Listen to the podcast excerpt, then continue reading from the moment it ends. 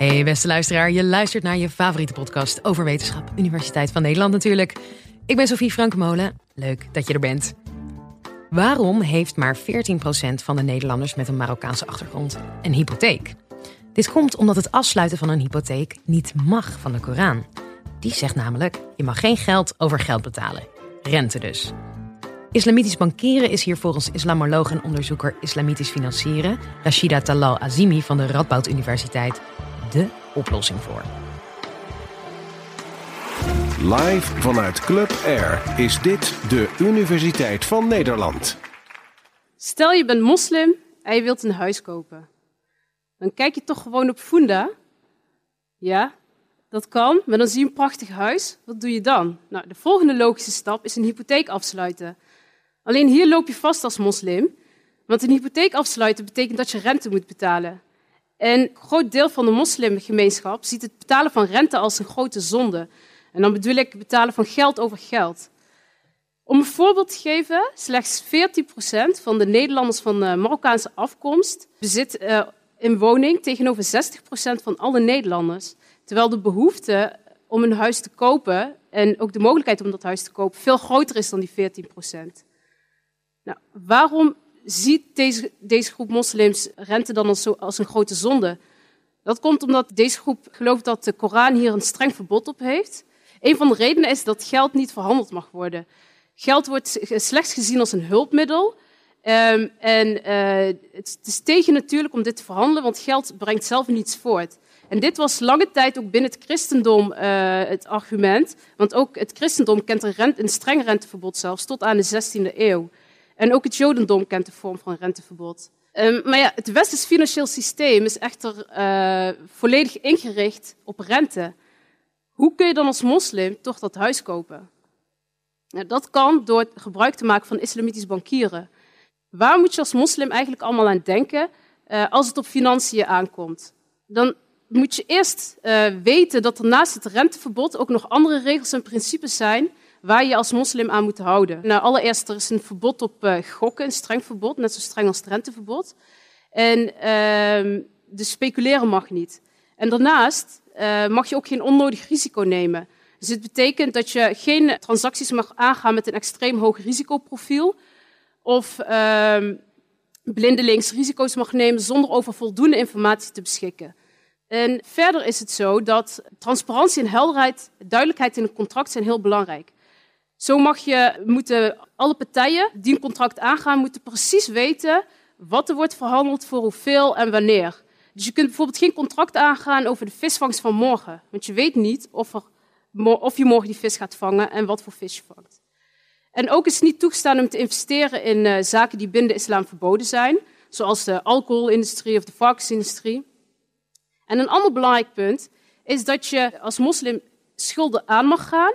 Maar je moet die wel zo snel mogelijk afbetalen. Dus bijvoorbeeld, uh, wat gebeurt op het moment dat iemand komt te overlijden? Dan zullen de nabestaanden altijd uh, zo snel mogelijk proberen uit te zoeken, heeft die persoon een schuld? Zo ja, dan zullen ze dat proberen af te betalen. Want de schuld die je hier opbouwt en niet hebt afbetaald, is ook een schuld in het hiernamaals. En dat, hè, dat wil je als moslim niet. Een ander belangrijk punt wat ik ook nog wil noemen, is dat de islam het heel erg ook aanmoedigt om uh, een schuld uh, kwijt te schelden op het moment dat iemand in moeilijkheden verkeert. Nou, allereerst wordt dan gezegd van geef uitstel van betaling. En natuurlijk zonder extra kosten, want dat mag niet. Maar uh, nog beter is het als je het helemaal kwijtscheldt. Nou, wat mag er dan juist wel? Het drijven van handel wordt gezien als een, uh, de beste manier eigenlijk om, om je geld te verdienen. Alle regels die ik zojuist heb genoemd, wat is dan een oplossing om als moslim die geen rente wil betalen, toch een huis te kopen? Nou, een oplossing hiervoor is het islamitisch bankieren, maar wat is dat? Nou, islamitisch bankieren is een systeem dat uh, uh, is gebaseerd op de regels en principes die ik zojuist heb uitgelegd, dus regels en principes vanuit de islam, en is als sector zo'n 40 jaar geleden ontstaan. Als uh, alternatief op het westerse systeem dat gebaseerd is op rente. rond de 19e eeuw begonnen westerse banken zich langzaamaan in moslimlanden te vestigen. Eerst door een toename van handel tussen beide regio's. En vervolgens toen uh, Europa de, de, verschillende moslimlanden ging koloniseren, kwamen er steeds meer westerse banken die met rente werkten.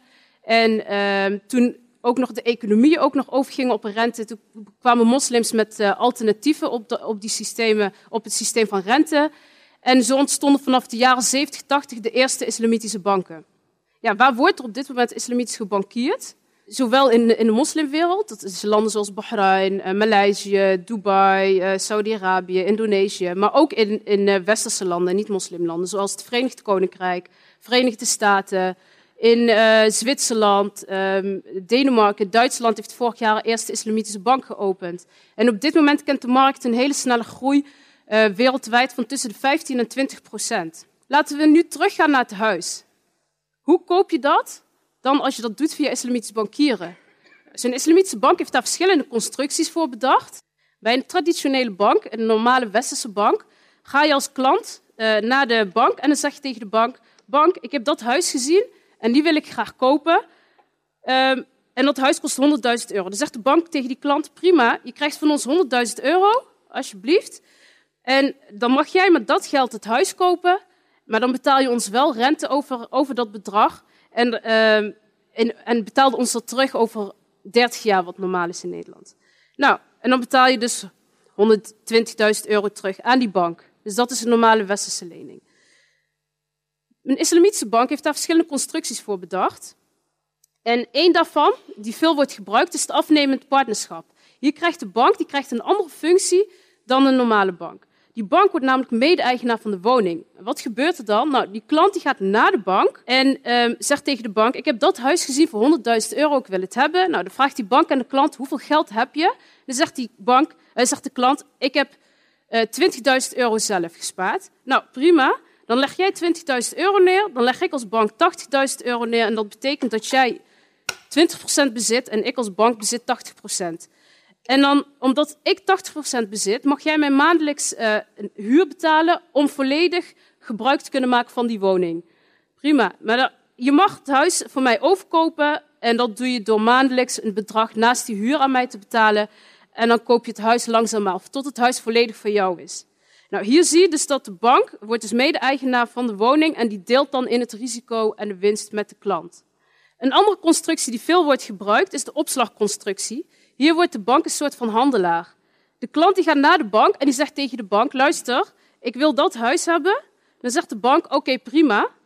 Ik, uh, hoeveel kost dat? Ik koop het huis voor jou voor, voor 100.000 euro. En ik verkoop het door aan jou met een winstopslag van 20.000. En dat mag jij mij terugbetalen over een termijn die ze onderling afspreken. Hier zie je dat de critici die zeggen: oké, dit, uh, deze constructie lijkt best wel veel op een traditionele hypotheek waar je naar de bank gaat en een geldlening krijgt. Dan zeggen voorstanders van dit contract, die zeggen, nee, hier wordt daadwerkelijk wat verhandeld. Want wij worden als bank eigenaar van de woning en uh, als bank verhandelen we het huis door met een winstopslag. We zijn hier niet geld aan we hebben hier geen geld aan de klant gegeven met, een met geld over geld. En dat kan niet, maar geld over een goed kan wel. En bovendien kan uh, deze lening uh, niet verhandeld worden. Dus uh, zoals bij een normale geldlening gebeurt. Dit waren dus een paar oplossingen voor het kopen van een huis. Maar er spelen nog meer kwesties waar je als moslim tegenaan kunt lopen op het moment dat je financiële activiteiten of economische activiteiten wil ondernemen. Wat doe je bijvoorbeeld als moslim als je geld wil sparen of een onderneming wilt starten? Nou, ook hier hebben islamitische banken oplossingen bedacht, dus alternatieven. En wat ze hebben, eigenlijk hebben gedaan is gekeken, oké, waar hebben moslimklanten ook behoefte aan en ja, wat bieden westerse banken aan? En hoe kunnen wij daar een constructie voor bedenken volgens de regels en principes vanuit de islam? En zo zijn er allerlei producten ontwikkeld, zoals spaarproducten, zakelijke, dus producten voor de zakelijke klant, dus voor de ondernemers. En ook voor studenten zijn er studentenleningen. Nou, al met al zijn er dus allerlei oplossingen bedacht voor producten en transacties waarin een traditionele bank dus met rente werkt. Dan is de vraag, is islamitisch bankieren nou alleen voor moslims? Het antwoord is nee. Want als je bijvoorbeeld kijkt naar Maleisië, uh, daar maakt bijvoorbeeld 60% van de klanten geen moslim. En daarnaast uh, zien ook uh, niet-moslims zien islamitisch bankieren en met name de principes daarvan worden gezien als een duurzamer alternatief. Er zijn een aantal belangrijke economen en uh, westerse economen en ook bijvoorbeeld IMF die zegt van hè, de, principes, er zijn een aantal principes waarop islamitisch bankieren is gebaseerd die ons uh, financieel systeem stabieler zouden kunnen maken. Um, dit zijn bijvoorbeeld dat risico's en winsten zoveel mogelijk moeten worden gedeeld of dat er geen onnodig risico moet worden aangegaan of dat leningen niet mogen worden verhandeld. Of ze zien islamitisch bankieren slechts als interessante commerciële markt. Hier zie je bijvoorbeeld David Cameron op het World Islamic Economic Forum eh, in 2013. Investing in London is good for you, and opening London up to your investment is good for us. Now, let me explain why. And then let me tell you about a few of the things we're doing to realize this vision for London as one of the great Islamic finance centers of the world. Hij zei dit in 2013 omdat hij gewoon ziet dat het een hele snel groeiende financiële markt is, waar het land ook gewoon van kan profiteren. Dus het wordt dus ook gezien als commercieel interessant. Waarom kun je nou als moslim niet zomaar een huis kopen? Omdat de islam een andere visie heeft op geldhandel. Daarom kun je als moslim niet zomaar een huis kopen. Jullie weten nu wat een belangrijke reden is uh, voor het lage woningbezit onder moslims. En hoe islamitisch bankieren daar een oplossing voor kan zijn. Dat was Rashida Talal Azimi. Ik hoop dat je hebt genoten van de aflevering. Wil je nog even verder luisteren? Check dan vooral de rest van onze playlist, want we hebben nog veel meer colleges voor je in de aanbieding. En er komen er elke week altijd twee bij. In de volgende aflevering hoor je waarom oorlogstribunalen niet altijd de juiste oplossing zijn voor nabestaanden. Tot de volgende!